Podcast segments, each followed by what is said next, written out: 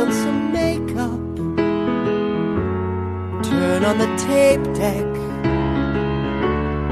and put the wig back on my head. Dis 'n interessante vraag. Baie mense vergelyk dit met die Rocky Horror Show. En die rede hoekom hulle dit doen is oor dit rockmusiek is en daar's 'n folkdosser betrokke. Maar eintlik waar die uh die gelyk wat mens kan trek eindig. Dit is 'n stuk soos iets wat nog nooit van tevore en nog na dit gedoen is nie. Die dit begin soos 'n een eenvoudige amper belaglike folktosser komedie.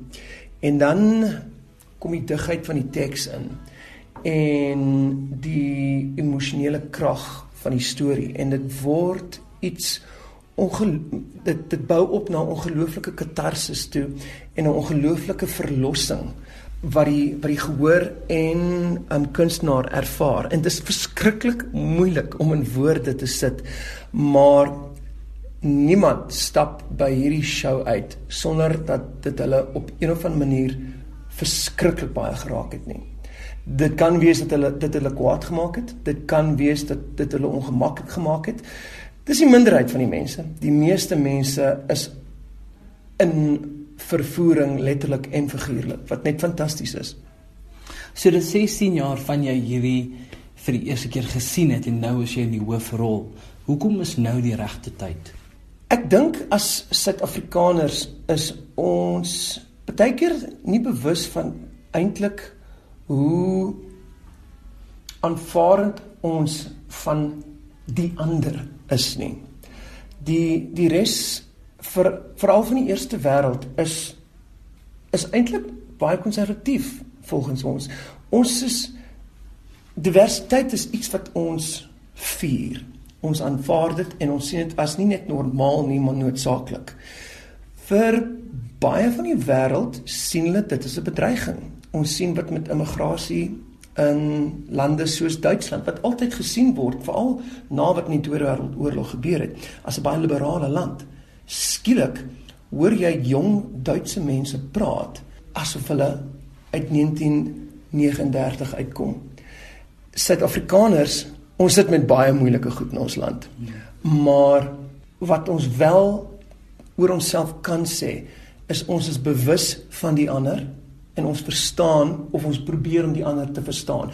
Of dit nou iemand is wat 'n ander taal praat, wat van 'n geslag is, 'n ander ras is, 'n ander tribe is, 'n ander wat ook al. Ons sien diversiteit as iets goed. En dit is hoekom 'n stuk soos hierdie ongelooflike reg is vir hierdie land nou.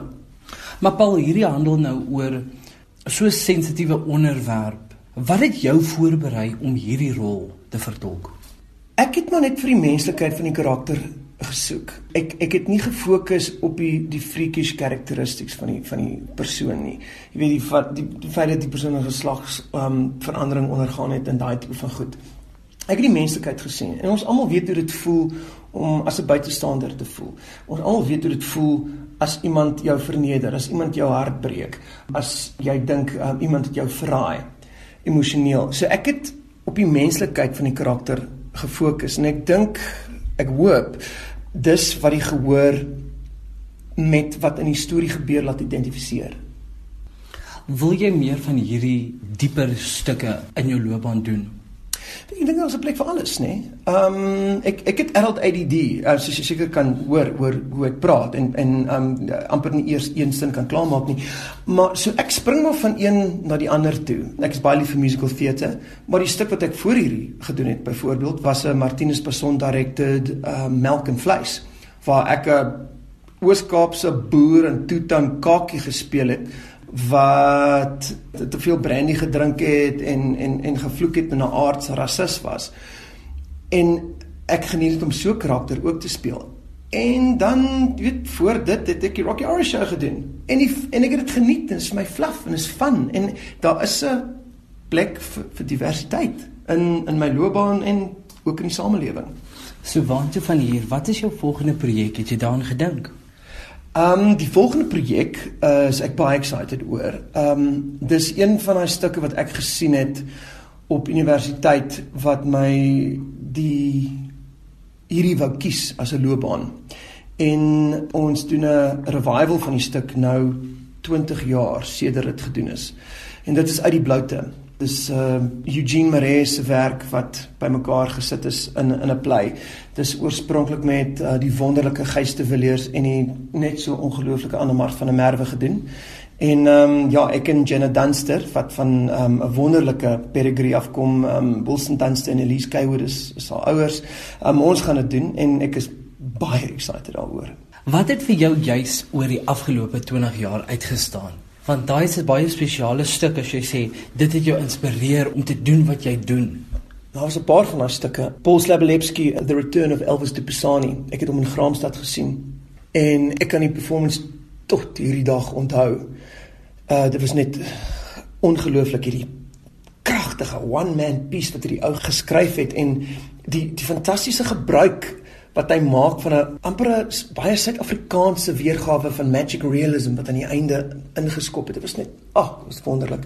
Martin Lemaitre se performance in Moy Street Moves ook ongelooflik. John Carney in My Children My Africa.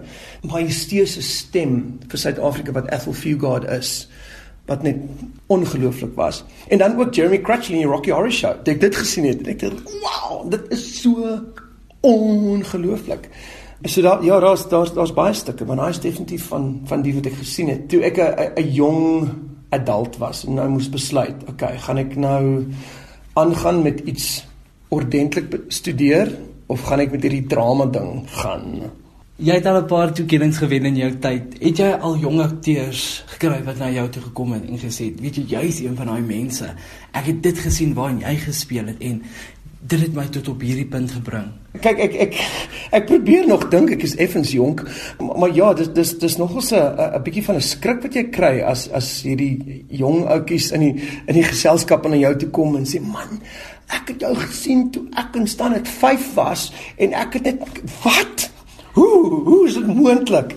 Maar ja, ek ek is nog nie heeltemal gemaklik met die rol van 'n mentor of 'n of 'n rolmodel nie. Maar ek het onlangs uh, met met hoërskoolkinders begin werk. Ek het 'n uh, 'n organisasie gestig mentor waar ek die goed vir kinders en hulle is hulle is hoërskoolkinders wat wat ek goed vir hulle wys wat ek gewens het ek kon sien toe ek hulle ouderdom was.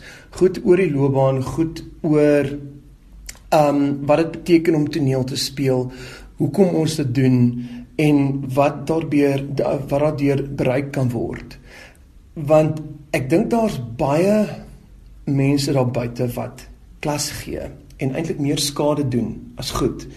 Want dis 'n dis 'n moeilike ding want jy werk met jou hart en jou siel. En net soos jy nie enige toelaat om sielkundige te speel vir 'n hoërskoolkind nie, is vir my is drama presies dieselfde, want jy werk met jou hart en jou siel. Hunter S. Thompson het gesê, "Writing is easy. You just walk up to a typewriter and open your vein." En toneelspel is dieselfde. Jy wys elke aand vir die gehoor 'n baie diep en baie persoonlike deel van jou siel. En as die mense saam met wie jy werk, jou regisseurs, jou mede-akteurs, ehm um, dit nie korrek hanteer nie, jy heeltemal ontbloot en jy's in 'n baie um, sensitiewe plek.